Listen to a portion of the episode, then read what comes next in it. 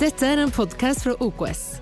Så glad for at du lytter på oss i dag, og håper dette vil oppmuntre deg og styrke ditt trosliv. Nyt budskapet sammen med oss.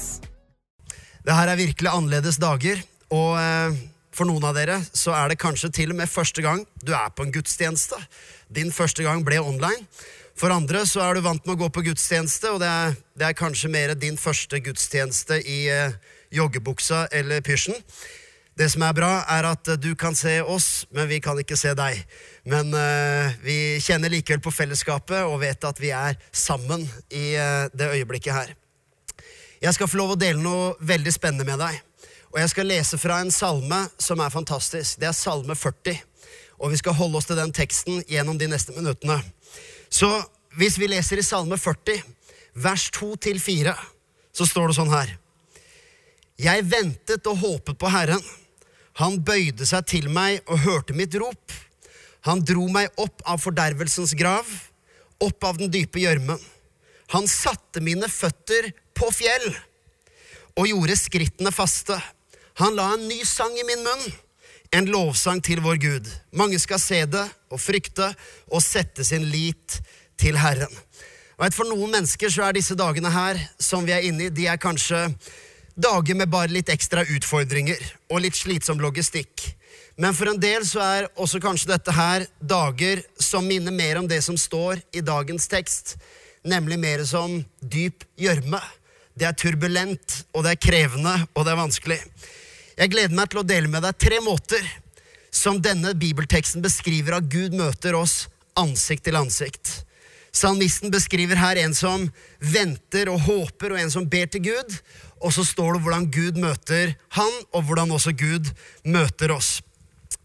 Det står nemlig i den første setningen Jeg ventet og håpet på Herren. Og så står det Han bøyde seg til meg. Og det er mitt første punkt i dag. En Gud som bøyer seg ned. Du veit, jeg har ganske mange ganger i livet hørt budskap som handler om at vi skal bøye oss for Gud.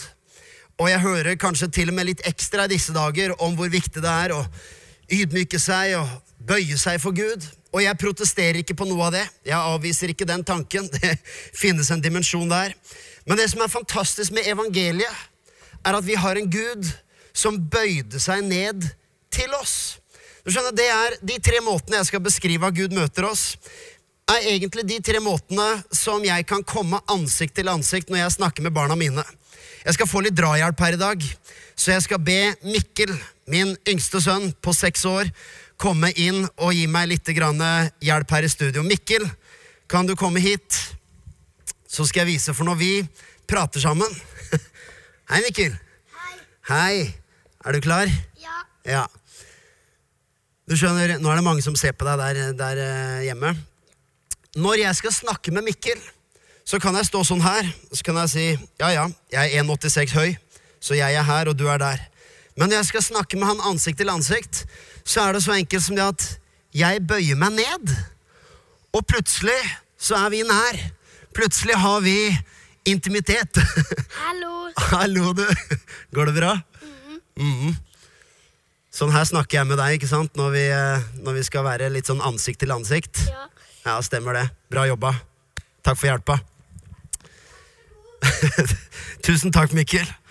Du vet, uansett hvor du befinner deg i livet akkurat nå, og uansett hvilke omstendigheter som måtte være, enten etter den spesielle situasjonen vi har i samfunnet nå, eller kanskje til og med lenge før det også, så jeg har lyst til å fortelle deg at Guds hjerte er å komme ned og bøye seg for å snakke med deg.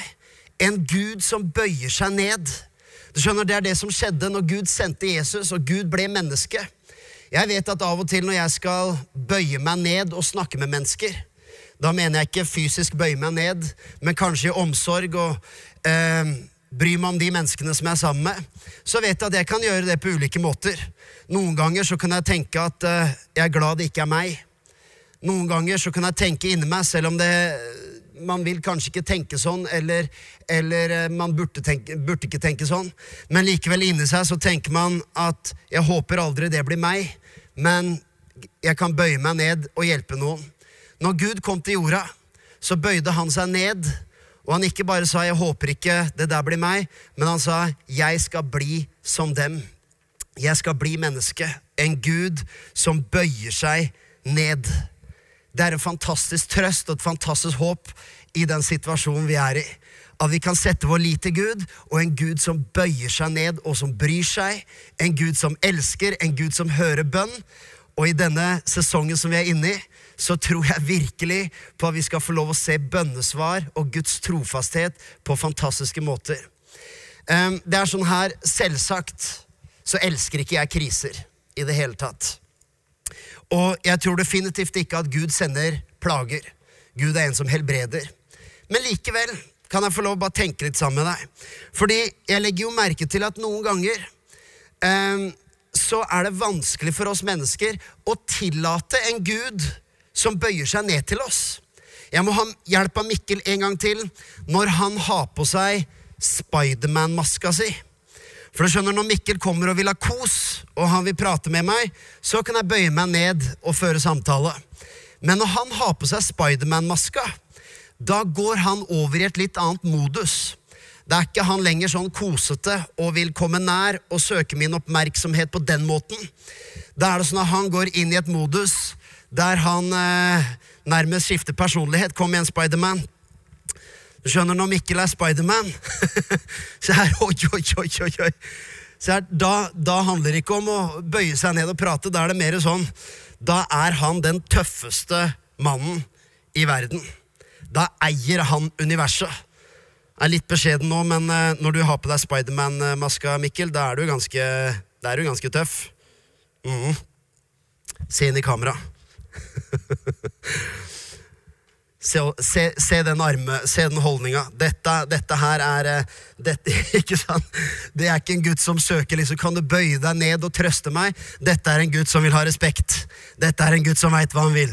Takk for hjelpa, Spiderman. Kjempebra jobba. Får vi håpe at uh, han oppfører seg ordentlig. Du skjønner, Når han tar på seg Spiderman-drakta, så er han kongen.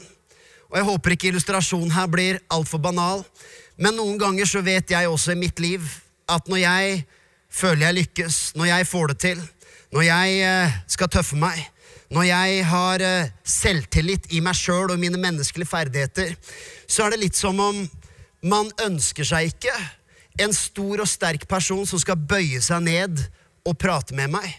Man ønsker å sjøl være den som har kontroll. Man ønsker sjøl å være den som har regien. Av og til, og dette snakka vi om bare for faktisk eh, et par-tre uker siden så snakker vi litt om det moderne mennesket. Vi snakka om dette her før koronakrisen. Vi hadde en temaserie som heter Nærmere. Og av og til så er det som om man kan se på det moderne mennesket og se litt på samfunnet vårt som om vi har på Spiderman-drakt, hvor vi ønsker å ha kontrollen, regien. Vi lengter ikke etter noen som skal komme og bøye seg ned for oss.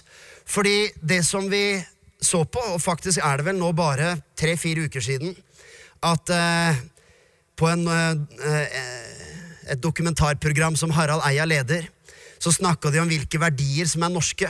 Og det fins masse bra norske verdier. Men de pekte også på én bestemt ting som var veldig typisk norsk. Og vet du hva det var? Det var uavhengighet. Selvstendighet. Det å klare seg sjæl. Det å være Spiderman. Det å ikke behøve eller lengte etter at en sterk person bøyer seg ned og tar seg hånd om meg, men å være uavhengig. Individualitet og det å være fri fra forpliktelse, enten det er til andre mennesker eller til Gud eller til en partner eh, og til hverandre. Det var For ikke så lenge siden så jeg en artikkel lenge før denne koronakrisen i et eh, stort, kjent økonomiblad, eh, europeisk økonomiblad, økonomimagasin heter det vel, hvor de skrev om hvordan nå har vi kommet til det punktet av velstand i samfunnet vårt. Vi kan si at kapitalismen lyktes. Vi vant. Vi fikk det til. Arbeidsledigheten er på historisk bånnivå. Eh, og vi har mer velstand enn vi noen gang har hatt i menneskets historie. Og jeg husker, som sagt, Dette var før denne krisen. Og jeg reagerte ikke veldig negativt. Det det velstand kan være en bra ting for et samfunn. Men, men, det var som om man kunne lese mellom linjene at nå har vi klart det. Uten noen Gud, uten noen frelser, uten noe som er større eh, enn oss sjøl. Og så står vi her i dag noen uker etterpå, og den artikkelen ser nesten eh, Den ser litt latterlig ut. Hør her, dette er ikke for å bringe deg inn i noe melankolsk hjørne. Dette er bare for å fortelle deg at av og til så hender det at uh, det er først i ekstraordinære omstendigheter at vi faktisk begynner å gjøre det som står i salmene. At vi venter, at vi roper, at vi ber. At vi faktisk setter vår lit til en Gud som har sagt at hans hjerte er å bøye seg ned og snakke til oss. Og gi spillerom til Gud pappa, som bøyer seg ned. Han bøyde seg ned for meg. Det er fantastisk. All religion snakker om å bøye seg for Gud. Og det fins sikkert eh, mange dimensjoner med det også, men tenk for et evangelium. Vi har en Gud som selv er allmektig, men som bøyde seg ned og kom for å møte mennesket ansikt til ansikt. Det som er fantastisk da, er at gjennom hele Nytestamentet så ser vi også et mønster at i alt det Gud har gjort for oss, det kan vi også bøye, det kan vi også gjøre for hverandre.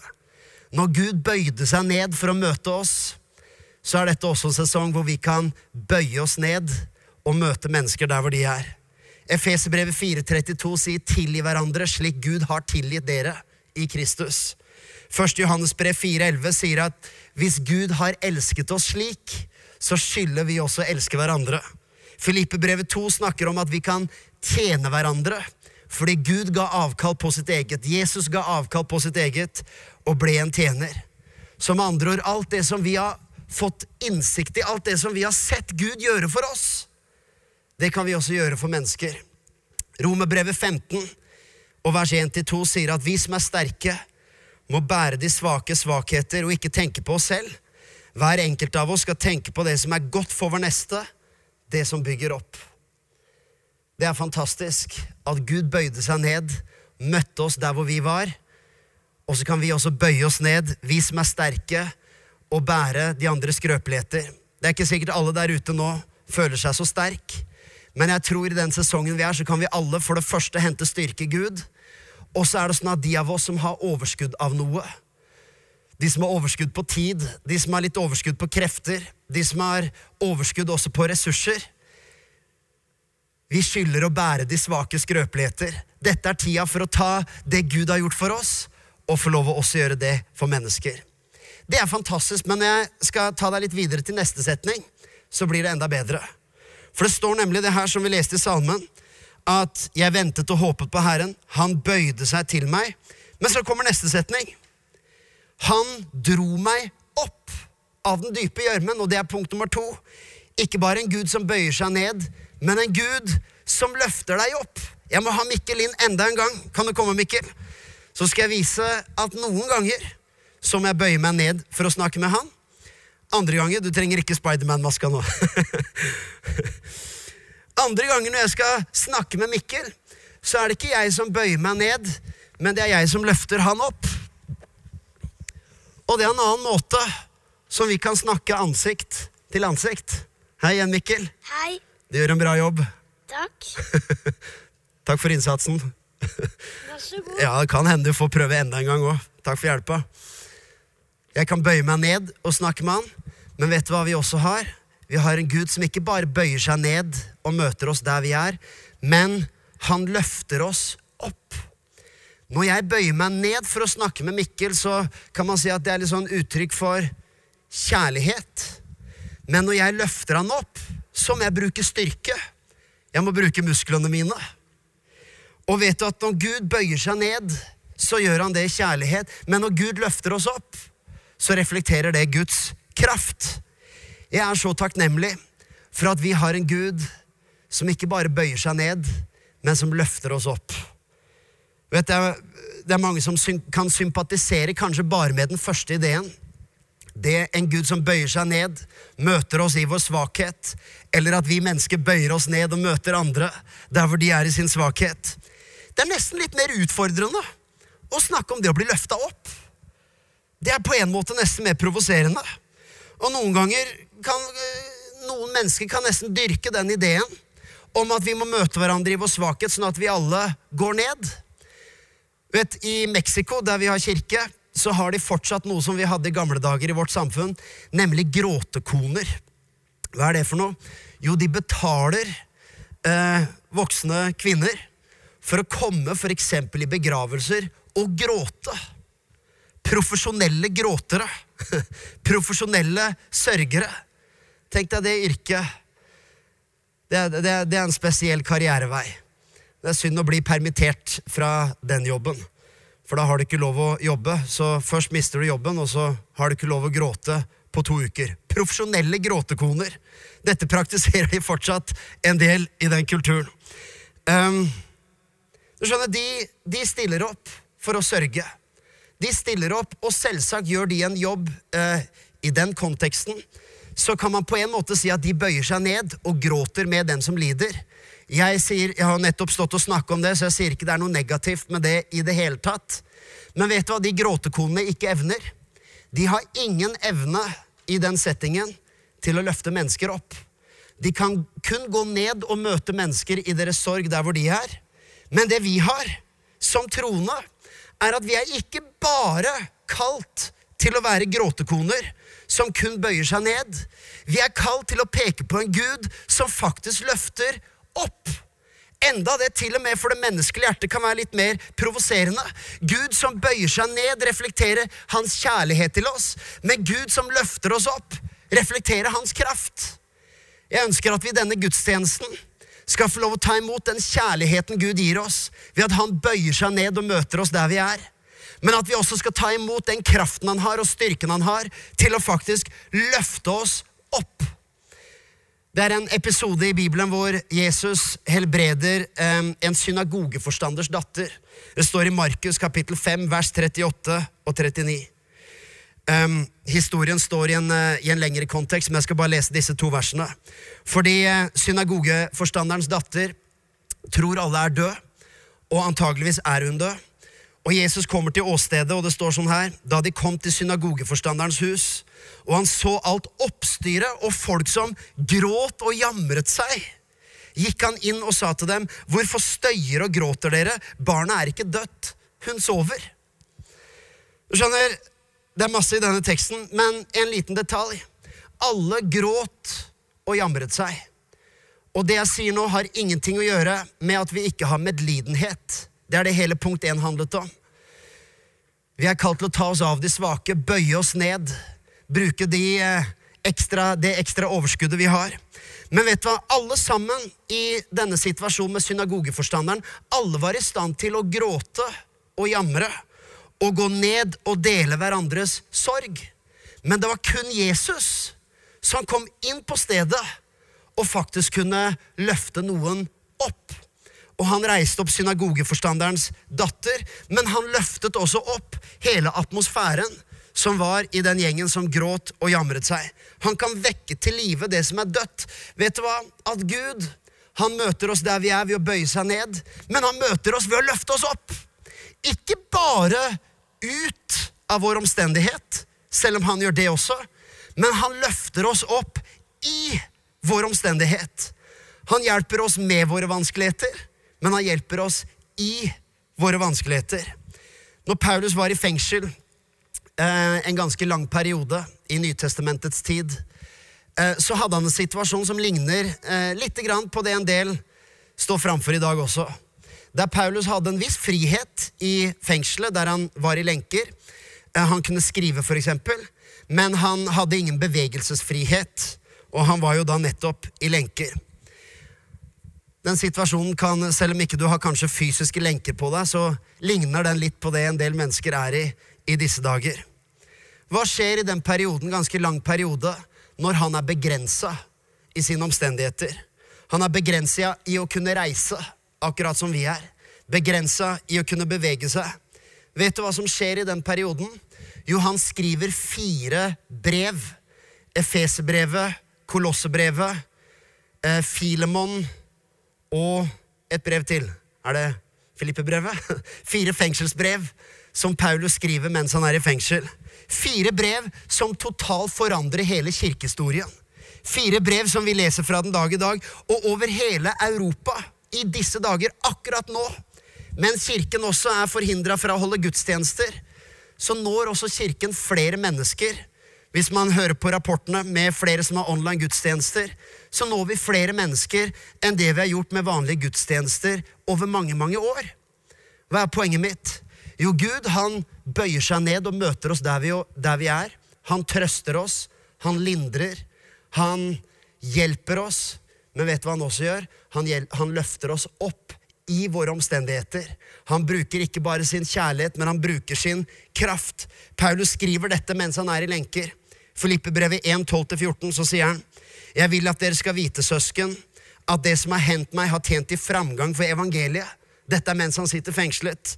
Det er blitt kjent i hele borgen og for alle de andre at det er for Kristi skyld jeg bærer lenker.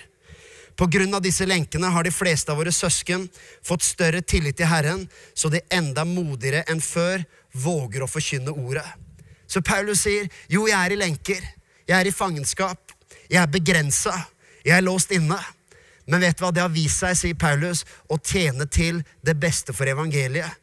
Ikke bare for meg, sier Paulus, men for brødre, for søsken der ute, som også har blitt mer frimodige av hans lenker. Du skjønner, Gud, han løfter oss opp der hvor vi er akkurat nå.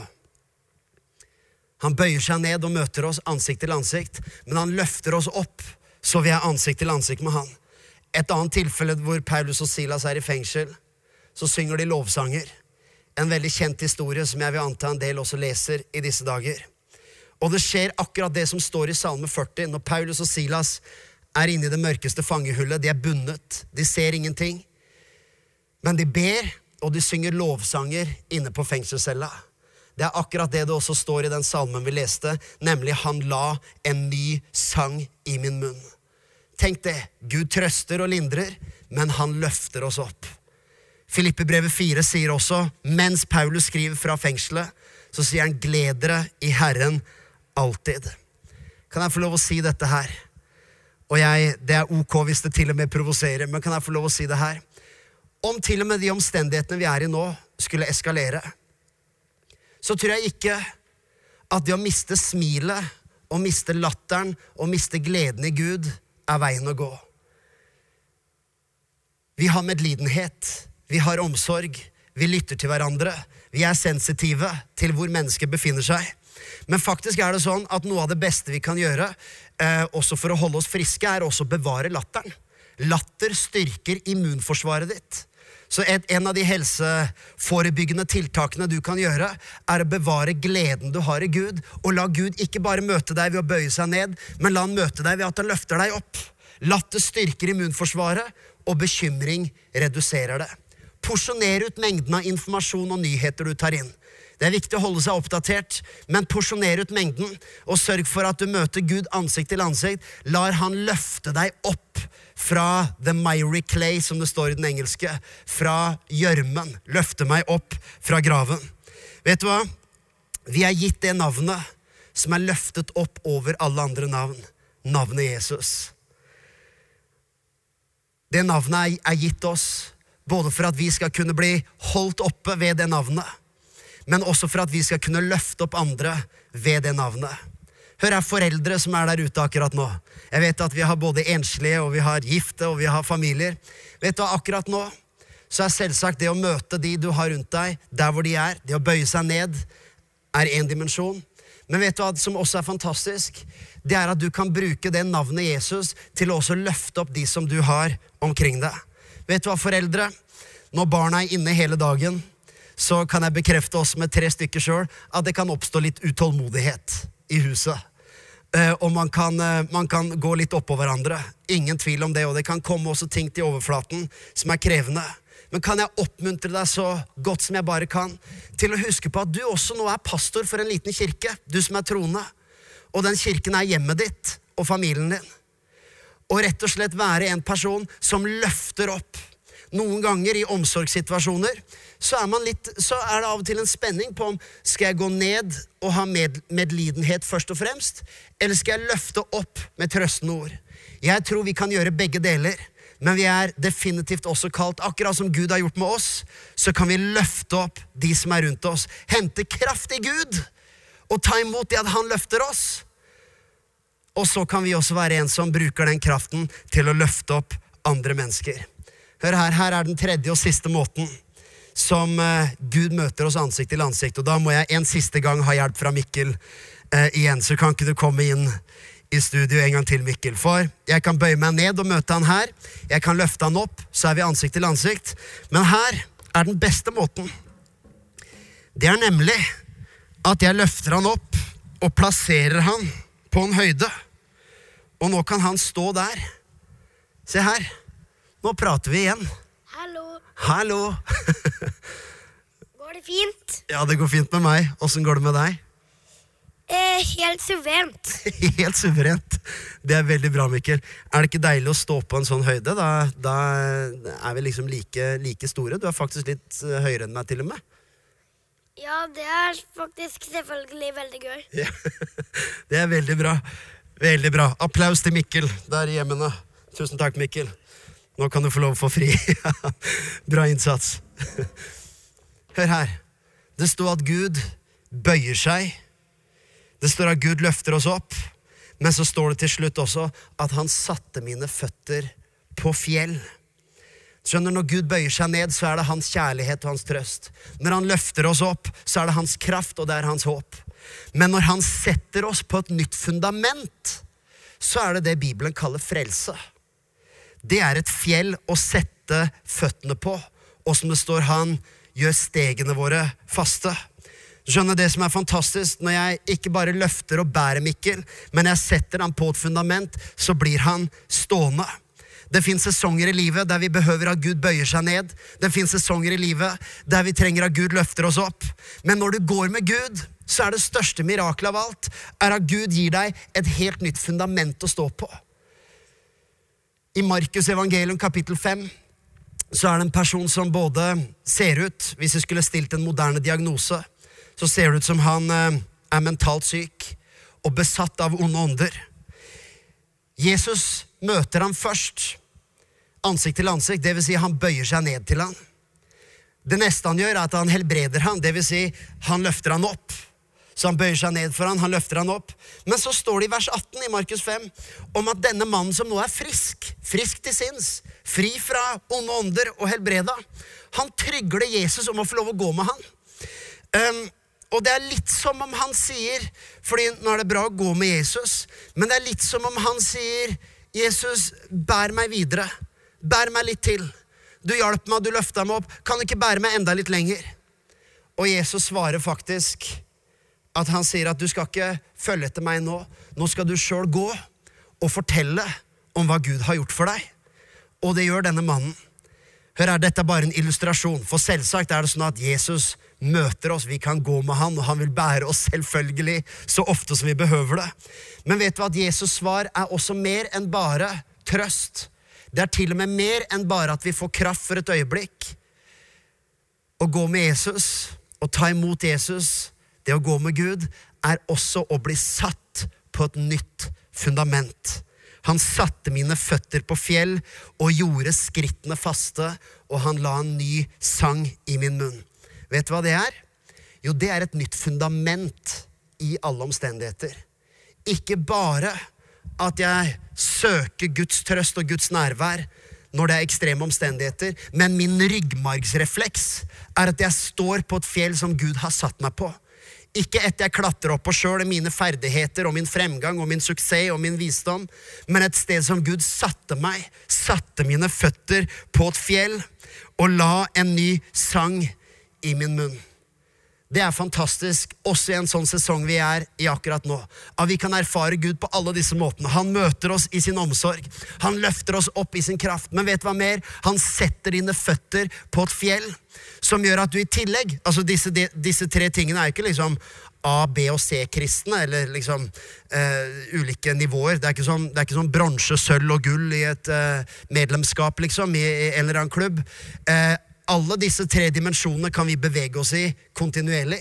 Men det er fantastisk med denne siste spesiell, fordi det er det som er frelse. Det er at Gud setter våre føtter på et fjell som gjør at jeg har en annen ryggmargsrefleks. Jeg står fast i Guds løfter. Jeg står fast i Guds ord. Jeg står fast i Guds nærvær. For selvsagt kan jeg søke Guds nærvær når jeg vet at jeg trenger det. Men det som også er fantastisk, er å vite at jeg alltid står i Guds nærvær uansett hva som møter meg. Så jeg behøver ikke engang vente på at Guds nærvær kommer til meg i fengselet. Jeg står i Guds nærvær fordi han har satt mine føtter på fjell. Så kan jeg fortsatt søke han. Så kan Gud fortsatt bøye seg ned, for vi trenger den intimiteten. Så kan Gud fortsatt løfte oss opp, akkurat som du i disse dager både kan vise omsorg og medlidenhet, men også løfte opp med den gleden du har i Gud, med håpet du har, med troen du har. Det å ha tro er ikke det samme som å mangle visdom. Det står at den fullkomne kjærlighet driver frykten ut, står det i Bibelen. Det står ikke at den fullkomne kjærlighet driver vettet ut. Så vi kan ha tro og stå, ha våre føtter på fast fjell og fortsatt følge myndighetenes veiledning og råd fullt og helt, og innse at vi er kanskje ikke viruseksperter, vi som sitter i stua alltid, men å stole på de rådene vi får. Det er ingen kontrast mellom det og det å tro Gud. Men det jeg er glad for, er at enten han frir meg ut av fengselet, eller han møter meg i fengselet, så har han satt mine føtter på fjell. Han har gitt meg et nytt fundament, en ny grunnmur å stå på i livet. Det er virkelig hva frelse er. Helt, helt til slutt. Salmen begynte med 'Jeg ventet og håpet på Herren'. Det er noe annet å vente i frykt og håpe på det beste. Jeg lurer på om det er en del som tenker litt sånn i disse dager.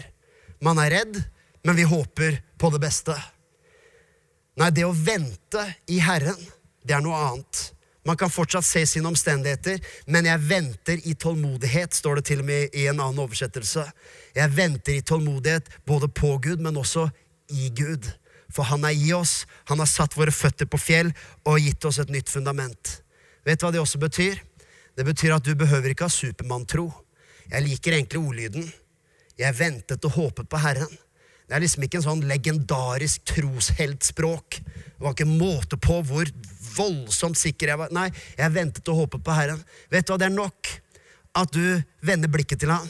Så møter han deg. Han bøyer seg ned og møter deg ansikt til ansikt. Han løfter deg opp og snakker med deg ansikt til ansikt med sin styrke. Og han setter deg på fjell, han setter deg på et nytt fundament. Det er fantastisk at vi har en så god Gud, som ikke bare har kjærlighet, men som også har kraft og som også setter oss på et nytt fundament og setter våre føtter på fjell.